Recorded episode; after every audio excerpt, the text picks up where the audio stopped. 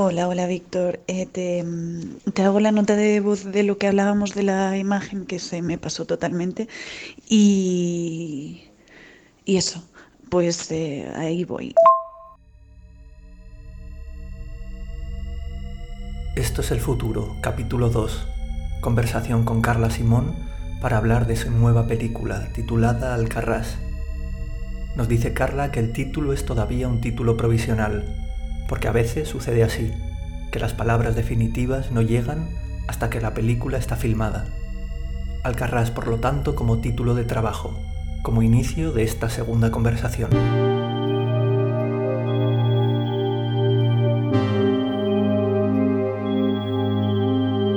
Esto no es Google Maps, pero podría serlo.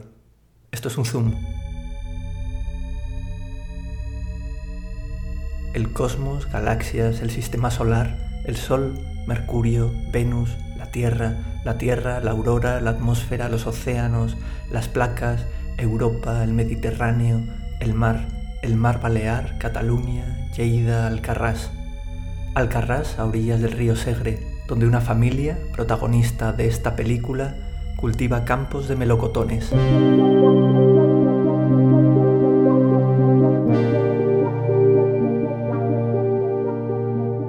Es el futuro, películas que aún no existen pero que podemos empezar a imaginar. Y comenzamos, como siempre, por una primera imagen, la que dio origen a la película, la que despertó en Carla Simón el deseo para embarcarse en un nuevo proyecto, tres años después de su película anterior, verano 1993. Hice esta primera pregunta a Carla sobre la primera imagen y la respuesta llegó días más tarde esto es un viaje en el tiempo. Esto es el futuro. Esto es el futuro. Esto es el futuro. Esto es la serie sonora de serie sonora de en colaboración con colaboración con Esto es un mensaje de voz con las primeras claves de una película que se filmará dentro de un verano. Creo que más que una imagen es una sensación como física, pero también sonora, porque eh, porque tiene que ver mucho con el sonido y, sería como ese momento de estar en medio de los campos de melocotones de mis tíos. Em, ellos cultivan melocotones en, un pueblo de Lleida y, y, pues en verano los recogen, ¿no? Entonces esa sensación de estar como en medio de los árboles, donde hace mucho calor y a la vez hay mucho silencio y luego solo se oyen eh, eh, el ruido de, los trabajadores llenando cubos de melocotones. Y, es un, ruido muy particular y donde además se le suma eh, que muchos de los trabajadores vienen de, son africanos, ¿no? O sea que pues están, los, los que trabajan con mis tíos son de Mali y hablan bambara. Entonces, em, bueno, hay algo curioso ¿no? con, con, estar ahí y oír esa lengua. Em, y no sé, o sea, un poco parte de esa sensación de estar en medio de los árboles y también como, como recogiendo los frutos de algo que ha estado creciendo, ¿no? que es como un poco un milagro. Y, y sí, pues la peli parte un poco de ahí.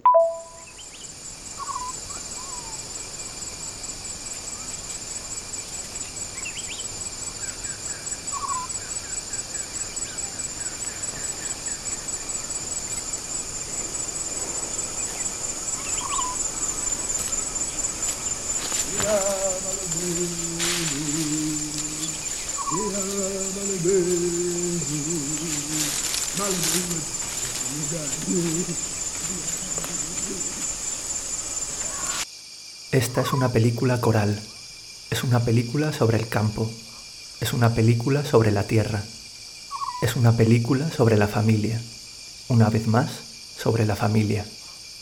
Y es un western, un western contemporáneo, con melocotones en vez de vacas, aunque también hay una vaca. Eso nos lo contará más adelante Carla.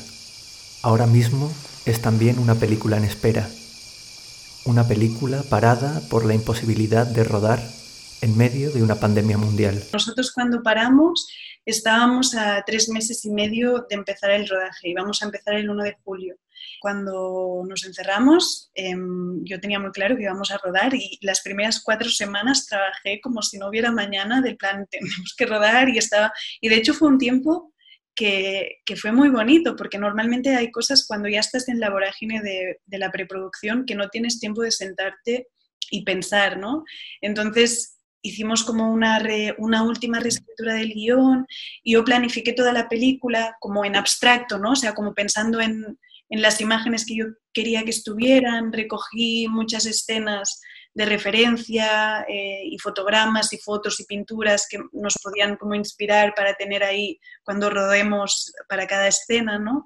Que es un trabajo que a veces, o sea, yo siempre me termina quedando un poco a medias porque no tienes tiempo. Y ahí fue como maravilloso porque tuve el tiempo de hacer esto bien, ¿no? Pero de repente estábamos todos en la incertidumbre total, ¿no? Y, y bueno, pues el tiempo empezó como a poner las cosas en su sitio y cuando salieron los primeros protocolos, em, a mí me pareció un horror. O sea, es que rodar así es muy bestia. O sea, ya de incómodo para empezar, de paranoia absoluta, ¿no? Es carísimo. O sea, de repente te, das cuenta que una gran parte de tu presupuesto que iba a ir a la película se va a ir a, a eso, ¿no? Y cuando digo una gran parte, estamos hablando del 7% mínimo del presupuesto, que es mucho dinero para que no puedas invertir en la película, sino que de repente tenga que ir a, todos esos protocolos. Y luego, claro, nosotros tenemos el, problema, la virtud o el problema, como sea que lo quieras ver, que tenemos niños y gente mayor junta. Y al final, un poco, o sea, la premisa de esta película, que, o sea, mi deseo principal de hacer esta película era yo vengo de una familia muy grande quiero hacer una película con mucha gente y que pasen muchas cosas a la vez y que de alguna manera pueda llevar en el terreno cinematográfico mi sensación de ser, ¿no? De estar siempre rodeada de tanta gente. Y claro, es como básicamente ir en contra de lo que se puede hacer ahora, ¿no? O sea, totalmente. Es ir en contra de la realidad, ¿no? Y, mm. y claro, era como, hostia, nos apetece realmente filmar eh, tan en contra de la realidad cuando yo, mi cine, eh, si algo, una característica tiene es que me gusta estar como muy cerca de la realidad, ¿no? Y es muy raro. Entonces empezamos como a ver, eh, o sea, a entender el nivel de renuncias que iba a llevarnos esto, ¿no? O sea, como de, de repente, pues quitar niños, que es una cosa que directamente yo no estoy dispuesta a hacer, ¿no? Eh, quitar escenas con extras, que para mí es como, ¿cómo vamos a quitar las escenas del pueblo, ¿no? Eh, donde hay gente, ¿cómo vamos a, quitar las escenas de la cooperativa, donde todo, todo el mundo lleva la fruta? Em, y claro, o sea, vas viendo que forzarlo a rodar ahora en estas condiciones eh, es igual a hacer un mogollón de renuncias que a mí no se me dan bien. O sea, hay, directores que se adaptan, yo no. no me gusta adaptarme, cuando pienso algo tiene que ser así y si no, em, pues lo peleo para que lo sea, ¿no? Entonces, claro, o sea, básicamente es como, si lo hacemos este año no va a ser la película que hemos imaginado. Y, y entonces, para mí eso significa que el año que viene, si podemos rodarlo un poco más normal, em, va a ser mejor película, ¿no? Entonces estamos un poco ahí, también a la vez a la espera de a ver qué pasa, porque como cada día mm. es un poco una mm. aventura, ¿no? Y, de repente pues puede ocurrir el milagro y que salga algo que te puedas tomar, que lo coges y puedas ir a trabajar el día siguiente, ¿no? Eh, pues estamos un poco a la espera. Pero sí que es verdad que es que a nosotros nos faltaba mucha pre, o sea, yo no había empezado así en serio los ensayos con los actores, que son actores no profesionales y por lo tanto sería un suicidio ir a, ir a, rodar sin ensayar, ¿no? O sea, sin pasar mucho tiempo juntos, sin crear esta familia. Y claro, pues tenemos eh, el problema que los melocotones no nos van a esperar. O sea, si no hemos empezado a rodar a finales de agosto, eh, es que rodamos el año que viene, ¿no? Estamos un poco aquí, mm, esperando el milagro, pero también a la vez como muy convencidos de que si, que si no ocurre eh, es lo mejor rodar el año que viene para, para poder hacerla. Es que por algo llevamos dos años trabajando en este guion, eh, no para que de, repente súper deprisa tengamos que empezar a hacer renuncias y a transformar esto para que cuadre, para poderlo rodar con el coronavirus. Y un poco estamos ahí. Precisamente, Carla, te voy a preguntar sobre cómo está siendo el trabajo con las actrices y los actores en esta fase tan rara que estamos viviendo. ¿O cómo es eso de intentar trabajar con no actrices y no actores en el momento en el que no puedes estar con ellos? Está un poco en pausa porque, em, bueno, no sé, yo esto, o sea, hacer ensayos o pensar cosas mm, por Skype, eh, cuando estábamos en un momento en que se había hecho como dos ensayos, o sea, no, no habíamos empezado aún, ¿sabes? De repente como empezarlo por Skype sí que me parecía una cosa un poco marciana, ¿no? Y mm, entonces, bueno, o sea, básicamente hemos como confirmado a algunos de los actores, pero no todos, eh, un poco a, la espera de a ver qué pasa eh, con el rodaje, porque pues sí que van a crecer los niños si rodamos el, año que viene y tendremos que ver, que ver qué hacemos. O sea, yo es verdad que no estoy como tan o sea, no, no estoy, no, no, estoy tan exigente como en verano, que quería una niña de 6, 7 años y punto. No podía, no podía. Esta vez estoy un poco más abierta que si tiene 5, 6, ¿no? O, o 7, 8, bueno, pues de repente no es, no es tan dramático, ¿no? Que sean un año más mayores. Aparte de, una, de un personaje que tiene 12, que es una edad realmente que lo que nos gusta del personaje precisamente es que está entre niña y adolescente y preadolescente, ¿no? y pues ya veremos. O sea que está todo un poco, un poco en el aire de a ver cómo, cómo procedemos con esto. Pero la idea es que cuando esté cerrado, eh, pues pasamos, pasemos mucho tiempo juntos, pero tiempo de estar en el mismo sitio, no, no o sea, no sé, es que yo no sé cómo se hace un ensayo con actores no profesionales telemáticamente, ¿no? Es como muy loco. Y porque al final es algo muy de química, muy físico, ¿no? O sea, como de ir construyendo relaciones a través de, pasar tiempo y hacer cosas juntos. Y, esto no es la manera.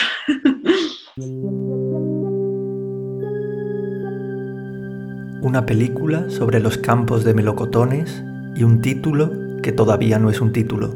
Yo creo que no se va a quedar ese título. Eh, pero aún es siempre muy complicado lo de los títulos. Eh, o sea, Alcarrás empezó así porque es el pueblo eh, de mi madre adoptiva y donde, em, donde ella creció y donde mis tíos cultivan y mi abuelo antes de que muriera, pues cultivaban los melocotones ahí, ¿no? Y, y, y realmente es uno de los sitios en Lleida donde hay más melocotón.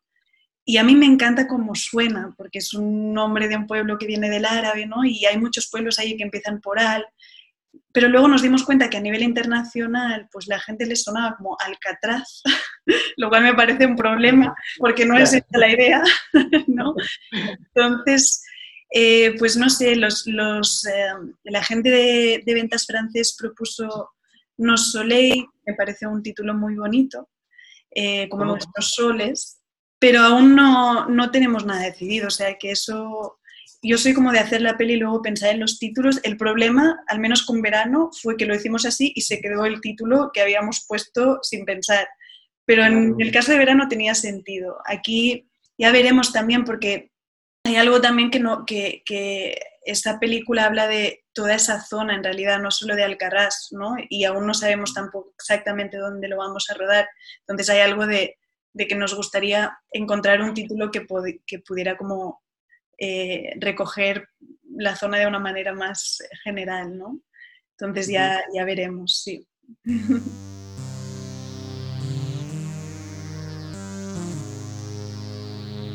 Un sombrero de cowboy, cine de frontera, pactos de palabra, de los de antes, de los de otro tiempo, cierta idea crepuscular atardeceres en el campo, la tierra, la tierra y tener que abandonar la tierra. Todo esto podrían ser claves para una película de género western. A mí este sitio me parece que es el Far West y así lo describimos, ¿no? O sea, es como el Far West catalán.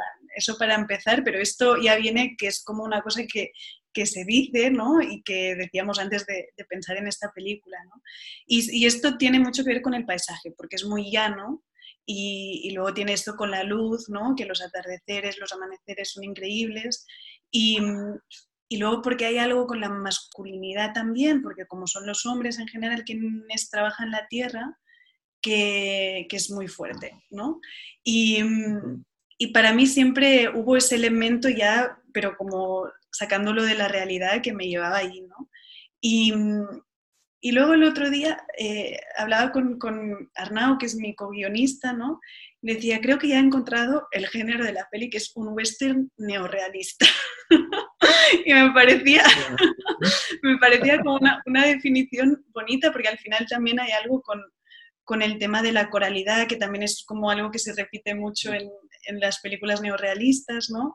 Eh, y como mi, mi, manera de aproximarme al cine, que, que tiene mucho que ver con ese con, con estas películas italianas, ¿no?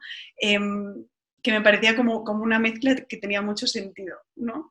No sé qué va a salir, pero, pero sí que, claro, hay algo también con todo eso de la, de la masculinidad que creo que empezó siendo un poco más western de lo que va a ser al final, que a lo mejor se acerca más a lo neorealista, porque yo al principio no me sentía súper cómoda con el tema de de tener, o sea, de que los personajes masculinos estuvieran en el centro total y fueran como un protagonista masculino, ¿no?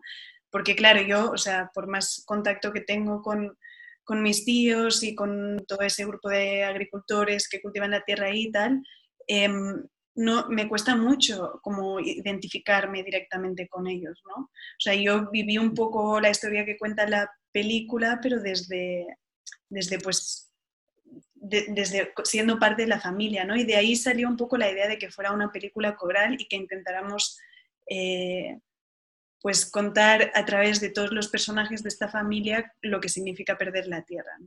Y ahí fue como nos fuimos aproximando pues a los niños, a las mujeres, ¿no? Y, y salió una cosa pues que es muy complicada, pero, pero o sea, es el reto de la peli lo que a mí realmente me apetece más, que es esa cosa de coralidad, ¿no?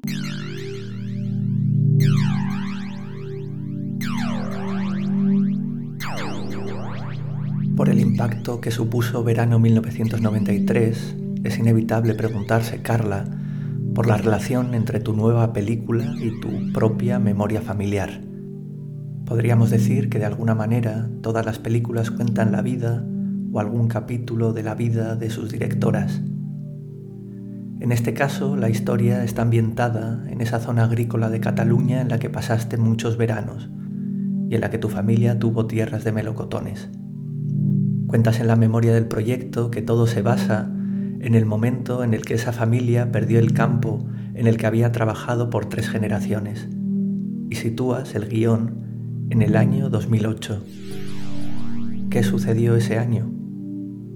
¿Hasta qué punto tu nueva película es también una película de recuerdos? Bueno, hay una novedad ahí, que es que esto lo, en lo que hace ya unas cuantas versiones, pero o sea, básicamente lo que pasó, a ver, por un lado, em, o sea, esto es una, una, historia que está como un poco inspirada en mi familia, pero no, pero no como, no es como verano para nada, o sea, hay como mucha diferencia, ¿no? Y entonces nos inventamos mucho.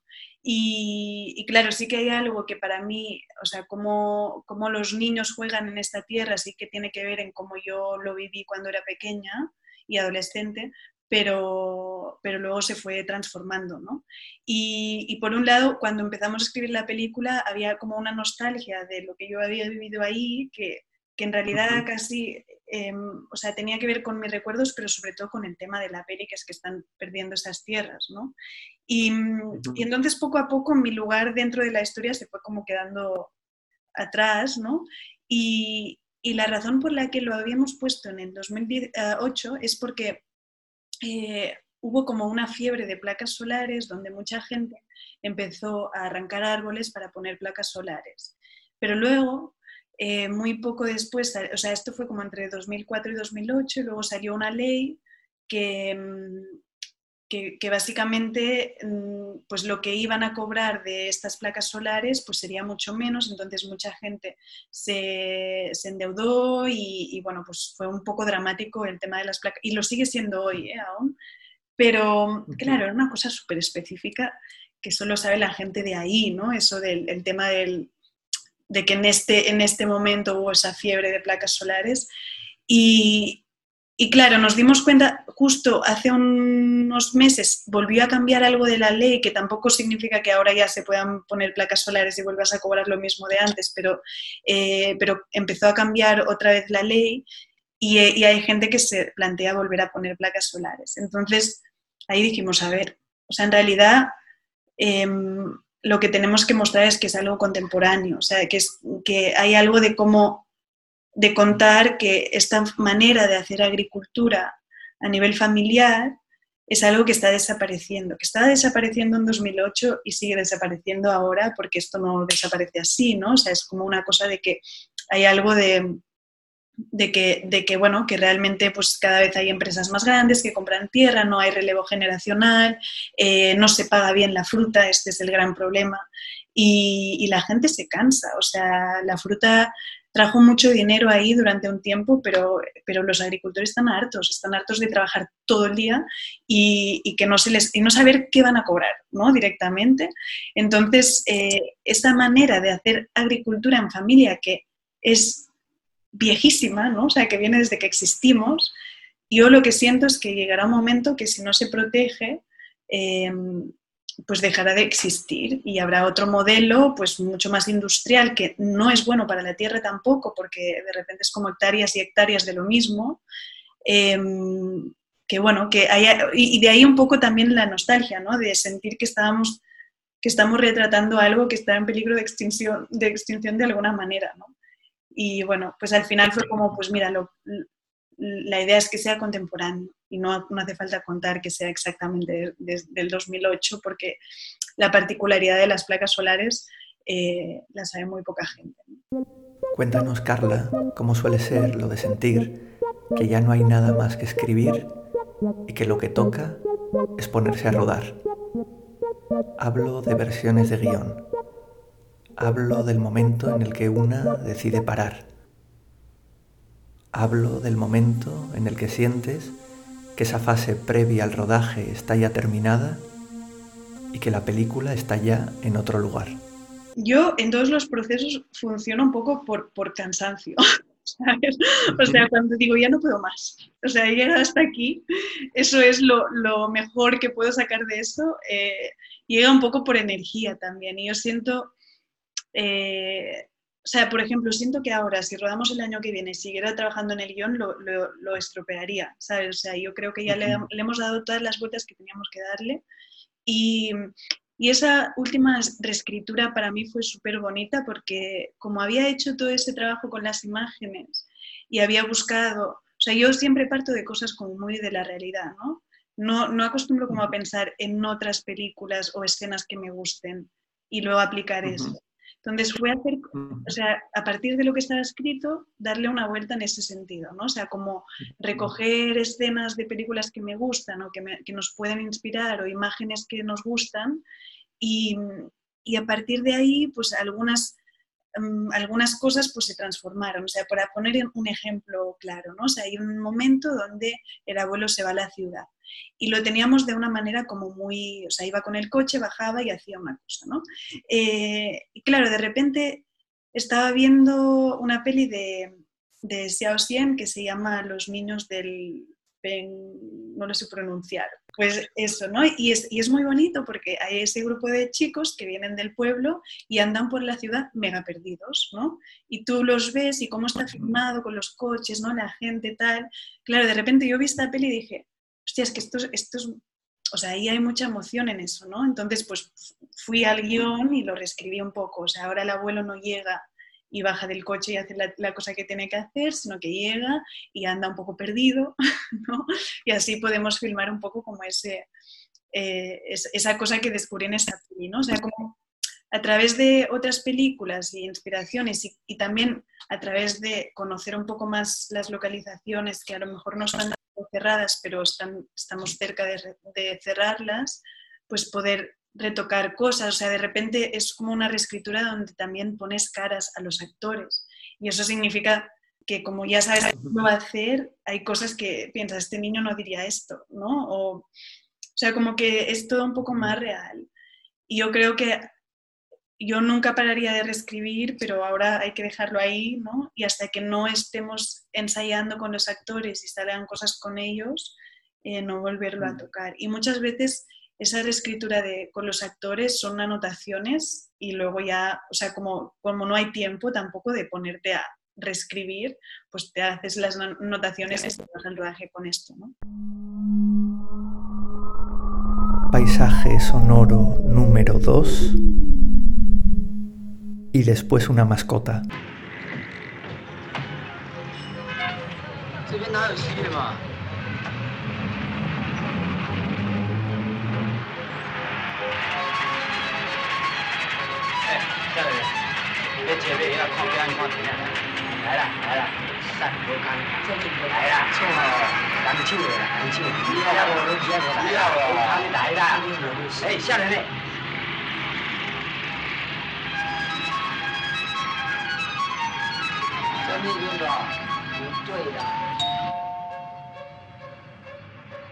La vaca, la vaca, la vaca, la vaca Margarita y un animal que llora.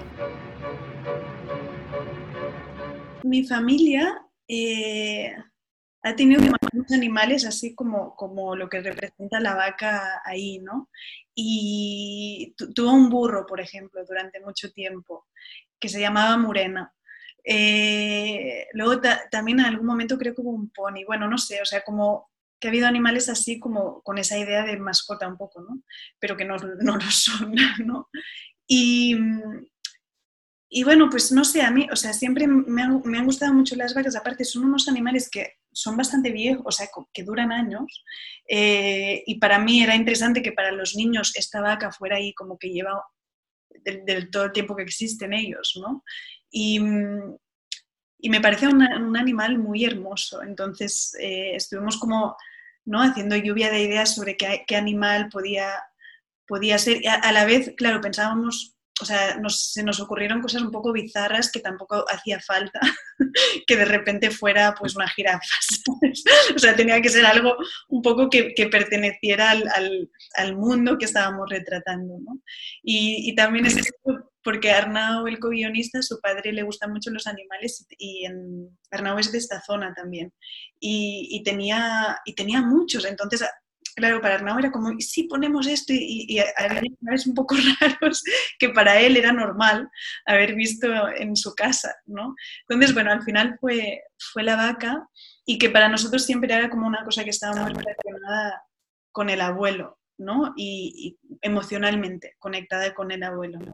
y, y, de ahí esa cosa de que llorar, que las vacas en realidad no lloran, o sea, va a ser como una cosa un poco simbólica, eh, que vamos a ver cómo lo hacemos, ¿no? Pero sí, como que nos, nos, parecía, bueno, no sé, es un animal con muchas connotaciones, ¿no? Y, y a la vez puede formar parte de este paisaje. Hay un personaje que me gustó mucho en la lectura del guion y que realiza un ritual con las plumas de un pájaro muerto. ¿Quién es ese personaje, Carla? ¿Y hasta qué punto te acercas a las tradiciones, algunas casi mágicas, de los temporeros africanos que trabajan en el campo. Una de las particularidades donde no entramos muy, muy a fondo en la película, porque la película es sobre la familia, pero eh, siempre hay temporeros eh, recogiendo fruta. Eh, en, en, el caso, o sea, lo que yo he vivido más de cerca son africanos de Gambia o de Mali, pero hay de, de otros sitios, ¿no?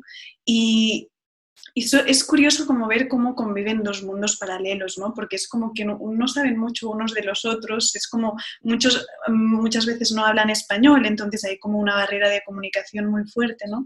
Pero, pero para los niños esto no existe, o sea, para los niños muchas veces eh, pues una persona es una persona, no se plantean nada si te puedes comunicar bien o no, ¿no?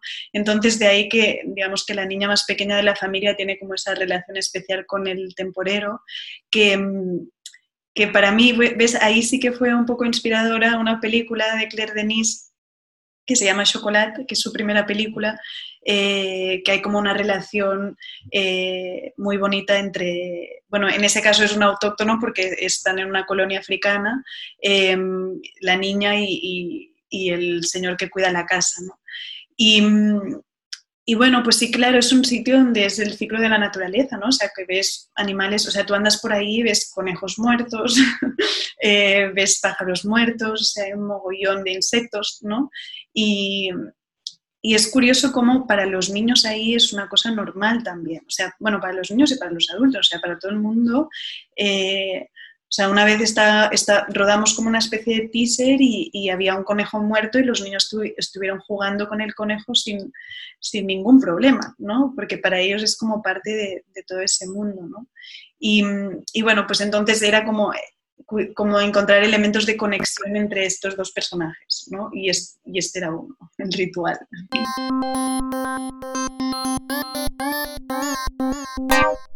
Los mellizos, el abuelo, la tía, la abuela, los hijos, los nietos. En la película hay tres generaciones de una gran familia. Cuéntanos cómo ha sido el proceso de escritura de esa coralidad. Pues muy difícil, o sea, súper, súper caótico y a la vez muy difícil porque, mm, y, y a ratos aún, o sea, creo que estamos haciendo un acto de fe con, que, con que el espectador pueda eh, entender todo lo que pasa a la vez, ¿no? Pero bueno, este es el reto y estamos como súper a favor de, hacer este acto de fe a ver qué sale. Pero claro, o sea, yo tengo dudas porque pienso que cuando vemos una película nuestra atención tiene un límite, o sea, ¿no? O sea, hay, hay, algo que pasa en la vida que no puede pasar en la pantalla y que, y que, y que ahí está como un poco el reto, ¿no? Que, que es que yo cuando estoy en una comida familiar, estoy hablando con alguien y a la vez estoy como medio escuchando lo que está ahí y con el ojo estoy viendo lo que está, lo que está pasando por allá. Entonces, de repente, puedo estar como en tres situaciones a la vez porque ¿no?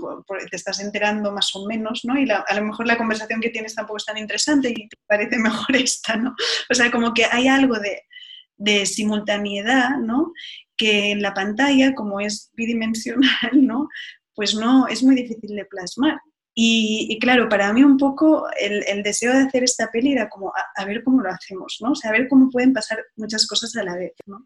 Y de ahí también que, o sea, cómo, cómo trabaja el sonido Lucrecia Martel para mí es muy, muy crucial, ¿no? Porque ella eh, hace esa cosa como de, de, estar oyendo conversaciones mientras estás viendo otra cosa que te, que te permite este, esta sensación de simultaneidad eh, y luego pues tu atención como espectador está, no sé, pues depende del visionado. a veces está en un sitio, a veces otro, ¿no? O sea, hay algo como muy interesante con sus pelis que yo las puedo ver como 40 veces y sigo descubriendo cosas, ¿no? Y, y bueno, pues para mí la idea un poco con la coralidad era esa, ¿no? A ver, a ver qué pasa. Eh, también es verdad que hay algo que, que me preocupa, pero ahí está nuestro acto de fe, ¿no? Con el tema emocional, ¿no? Porque hay algo con, con la emoción que a mí sí me interesa, ¿no? O sea, como sí que me, me, importa que guiar un poco al espectador en la emoción, pero cuando estás retratando muchas cosas a la vez, esta guía se pierde, ¿no? O sea, como que es un poco más complicado de gestionar. Entonces ahí, ahí pienso que, bueno, que hay que o sea, que vamos a ver qué, qué, podemos hacer. O sea, es algo que tenemos muy presente y cuando planifiquemos, y en esta primera planificación que he hecho yo, pues a nivel como de, de cómo vamos de un personaje a otro, eh, en relación a la emoción, es como algo que hemos pensado muchísimo. Eh, pero a, la, pero a veces cuando llegas en montaje hay cosas que no están como tú creías, ¿no? Y, bueno, yo creo que es una peli que vamos a estar escribiendo y reescribiendo hasta, bueno, como siempre, ¿no? Pero que en montaje también vamos a estar tomando decisiones de estas de con quién estamos para, para como estar con la emoción más interesante en cada momento. En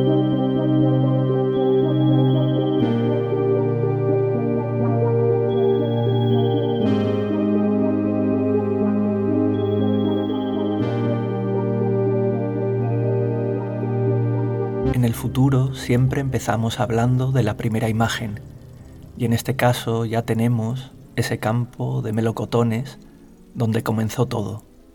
Pero pasemos ahora a hablar del primer sonido. Cuéntanos, Carla, a qué suena la película. Hay campo, hay grillos, hay voces, hay noche, hay canciones. A ver, eso es curioso porque ahora eh, Eva Baliño, que es eh, la sonidista de la película que ya hizo verano conmigo, hizo un ejercicio súper bonito que fue como que ella hizo también eh, su, propuesta sonora, ¿no? O sea, como que se leyó todo el guion muy, muy a fondo y en cada escena me iba como proponiendo cosas que ella oía, ¿no? En, en cada escena. Y fue curioso porque a través de sus propuestas hemos cambiado alguna cosa de guion también. Por ejemplo, cuando, es que no quiero como entrar mucho, como para no, Pero sí que, pero sí que ha sido un ejercicio muy bonito trabajar con ella eh, en ese sentido y después darnos cuenta que hay momentos en que el sonido podía ser incluso eh, tener como más protagonismo, ¿no? O guiarnos a través de ciertas escenas, ¿no? Y, bueno, respecto a la música, es, es un poco, o sea, el, estas semanas hemos estado teniendo reuniones con, con, la gente que nos va a ayudar a, a, tener los derechos y esas cosas. Y claro, decíamos que lo importante es que no parezca un pestiche, porque como hay tres generaciones, pues cada uno escucha lo que escucha, ¿no? Y, y es como una mezcla eh, de, de músicas muy fuerte pero para mí hay como una canción que es como el pilar de la peli, que es como la que canta el abuelo, que también saben los niños, ¿no? O sea, como esas canciones que se transmiten eh, oralmente, ¿no? Y que, y que, recordamos de nuestros abuelos y que seguramente los, las cantaremos a nuestros hijos, ¿no? Que es como las que atraviesan las generaciones, ¿no? Y creo que esa va a ser como la canción eh, de, de, la película. ¿no? Si no es el pasado, si no es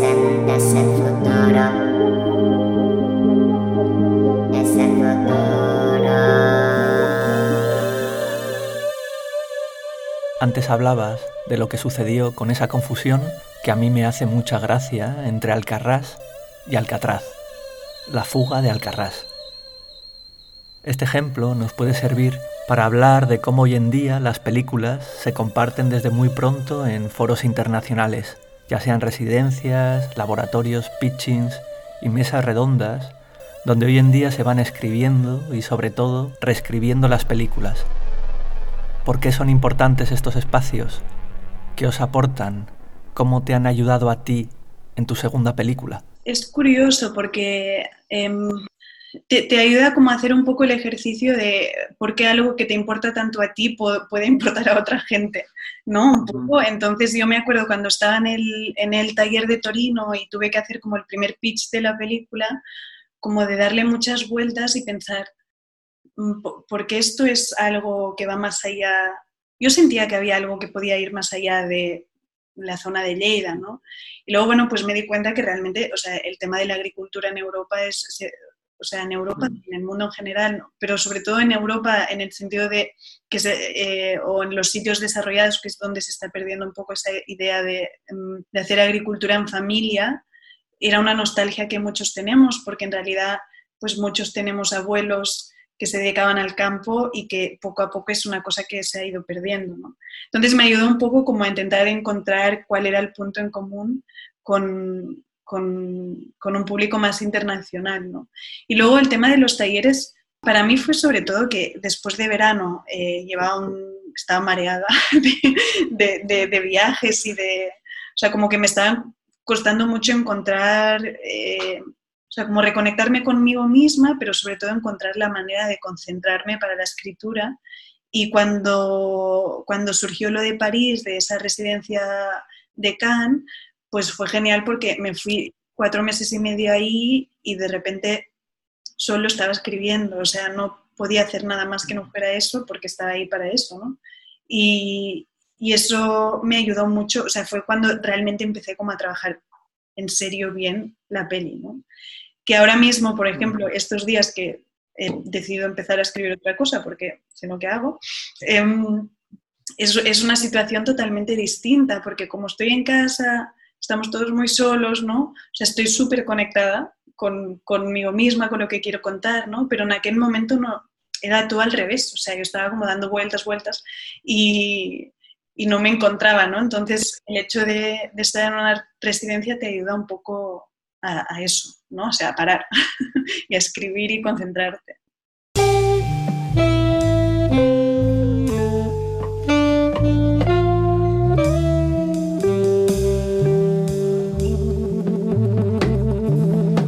Verano 1993 fue una experiencia intensa, tu primera película, un gran éxito, una historia personal y exposición personal también muy fuerte.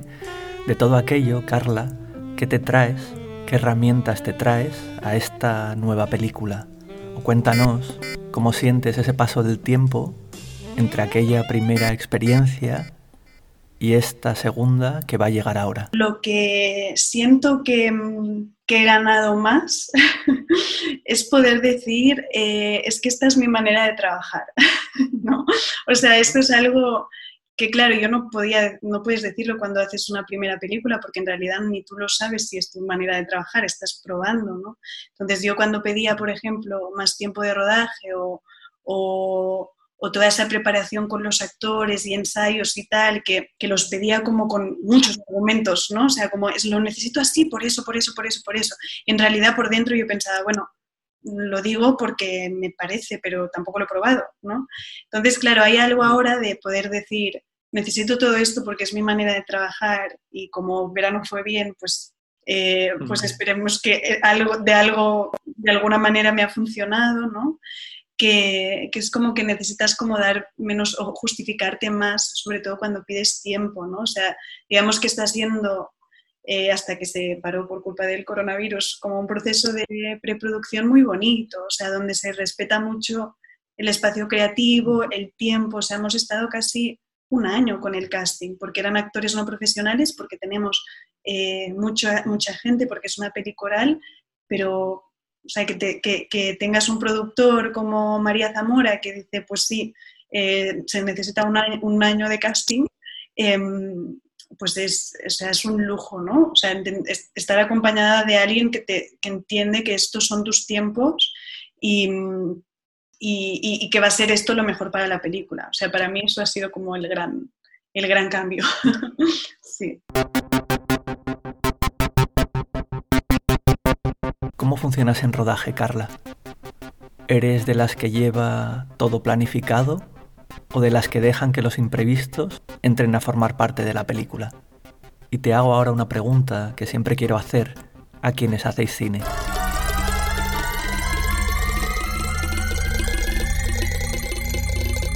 Cuando uno lee en un guion una escena en la que está lloviendo, por ejemplo, piensa, muy bien, claro, es perfecto que llueva, da sentido a este momento preciso de la película, no podía estar escrito de otra manera, que llueva. Pero, ¿y si luego en el rodaje no llueve? ¿Qué pasa cuando no llueve? Sí, es, raro porque, o sea, yo em, soy de naturaleza hipercontroladora. O sea, yo necesito saber exactamente cómo lo voy a hacer. Pero luego el cine que me gusta no, o sea, es al contrario, o sea, a mí no me gusta, o sea, me encantan las imperfecciones, me encanta cuando siento que está vivo, que están pasando cosas a la cámara, de, enfrente de la cámara que no se podían controlar, ¿no? Entonces, claro, vivo en una contradicción que no tiene sentido, ¿no? Porque es como que no estoy cómoda haciendo una cosa rígida donde todo está controlado eh, pero mi naturaleza es esta y me gusta lo otro, ¿no? Entonces siento que, que mi solución a eso ha sido ponerme a mí misma en situaciones donde por más que quiera controlar es absolutamente imposible, como fue el caso de verano con una niña de cuatro años y, y otra de siete. ¿no?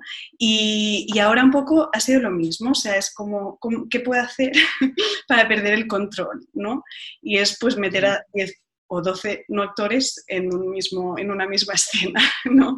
Entonces, claro, de repente el rodaje se vuelve como una lucha para intentar filmar algo parecido a lo que está escrito, ¿no? O sea, de alguna manera es como, yo, yo respeto mucho el guion que hemos escrito porque, le, porque pasamos muchos días ahí, pero el hecho de que cuando, cuando está rodando eh, no puedas controlarlo porque eso, pues que rodas con actores, hay niños, o sea, todo es como el caos, ¿no? Eh, pues de repente surgen cosas que sí, has estado trabajando antes en los ensayos bien y preparando a todo el mundo para que llegue ahí y entienda cuál es su sitio y lo que buscamos y tal, pues surgen cosas muy, muy, muy parecidas a lo que has escrito, ¿no? Entonces, bueno, pues eh, entre ahí que estamos intentando seguir el guion y lo que surge, eh, pues, pues conseguimos, digamos, algo parecido al caos, pero que en realidad está súper pensado antes, ¿no? Sea, es un poco eso. Y con lo de la lluvia, por ejemplo, que comentas, el otro día que hablábamos con la dire de foto, claro, pues había hay la opción, en, evidentemente, de esperar que llueva, pero yo esta lluvia tiene que estar, o sea, está ahí, es súper poético y yo quiero que esté. Entonces, eh, pues, pues hemos presupuestado eh, lo, que, lo que cuesta la máquina esta, que yo no lo he usado nunca. Em, entonces vamos a ver cuánto cuesta y, si, y creo que es mejor tenerlo. Entonces, si un día llueve y no lo necesitamos, pues guay, pero que esté en el presupuesto por si acaso no pasa, porque no puede no estar. ¿no? Entonces, sí, es ahí como mi, mi, mi, tema con el control y el caos, ¿no? Esto sí que sí es un ejercicio de futuro, Carla.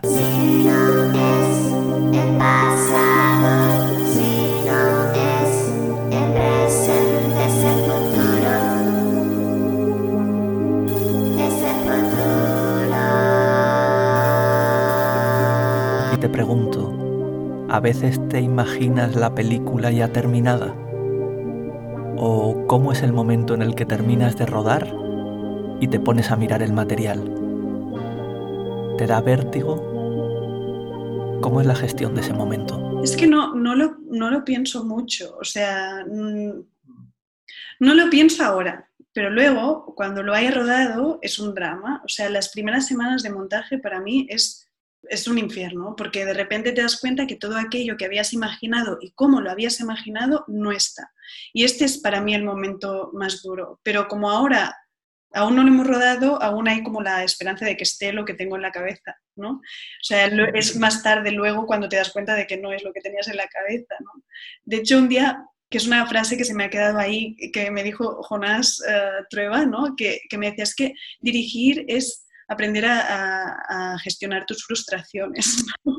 y pensé que era verdad, porque en realidad, o sea, yo creo que hay momentos en que, del proceso en que no te das cuenta, pero ese momento en que has terminado la peli, que te miras el material y todo aquello que tú querías no está, porque yo lo vivo así, o sea, soy muy dramática, otros lo viven distinto, no sé, yo lo vivo como es que todo lo que tenía en la cabeza no está, pues ahí es donde sufro.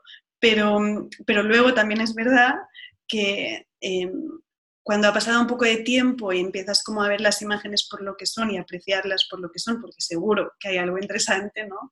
Eh, empiezas como a cambiar el chip y a olvidarte de lo que tenías en la cabeza, porque de repente la peli es esto, es lo que tienes, ¿no? O sea que para mí ese momento del montaje es donde lo sufro.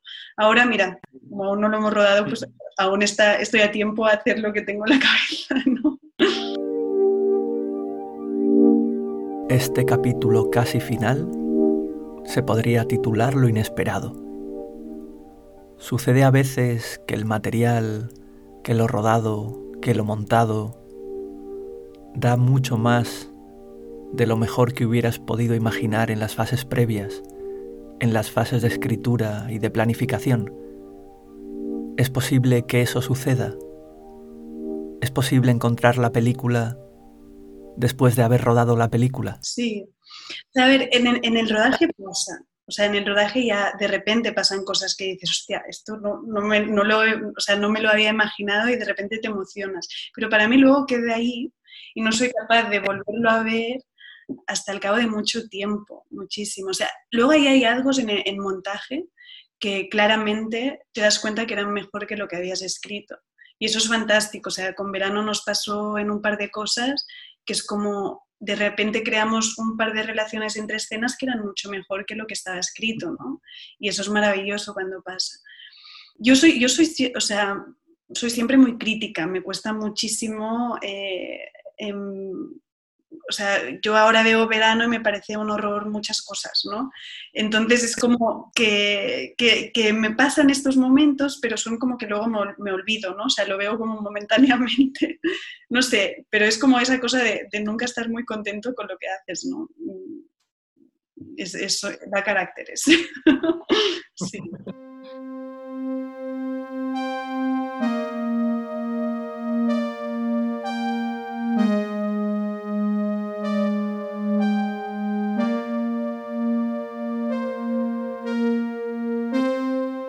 Fin del capítulo 2. Viajes en el tiempo. Esto es el futuro. Esto es el futuro. Esto es el futuro. Esto es el futuro. Esto es el futuro. Una serie sonora, serie tabacalera, de tabacalera, en colaboración con en colaboración con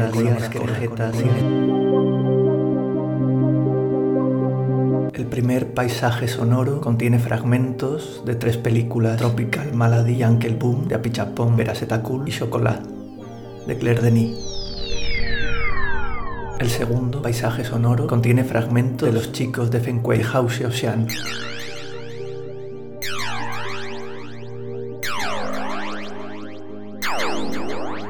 Cuando al hablar de verano de 1993 suena un trío de jazz,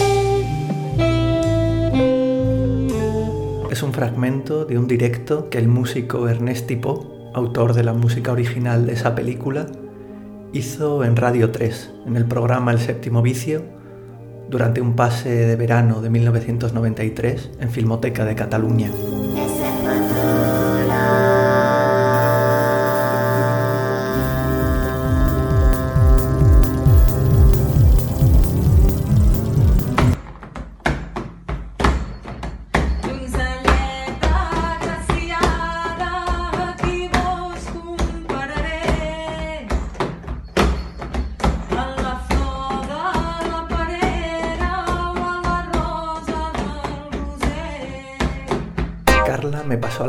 Que acompañarán la película, y en este epílogo suena una tonada improvisada de panderos de tradición popular de Lleida, interpretados por Guillem Villas y Marta Rius.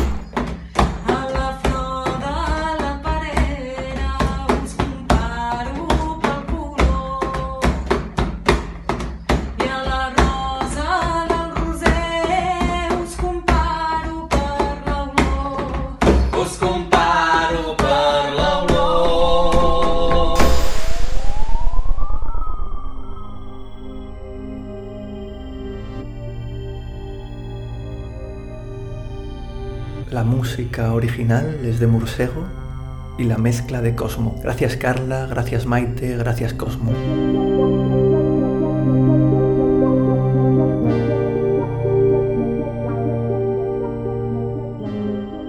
En la despedida, Carla nos habla de la necesidad de seguir imaginando y escribiendo futuras películas. Después, un fragmento de percusión tradicional interpretado por Alex Tobías. Esto es el pasado, mes de julio del año 2020. Sí, porque si no me estaba muriendo, o sea, era como no puedo estar más triste porque no voy a rodar, hay que hacer algo. Entonces salí un poco de esa tristeza a partir de, empezar como a emocionarme con otras cosas, ¿no? Que al final es, eh, bueno, no sé, es cómo funciono.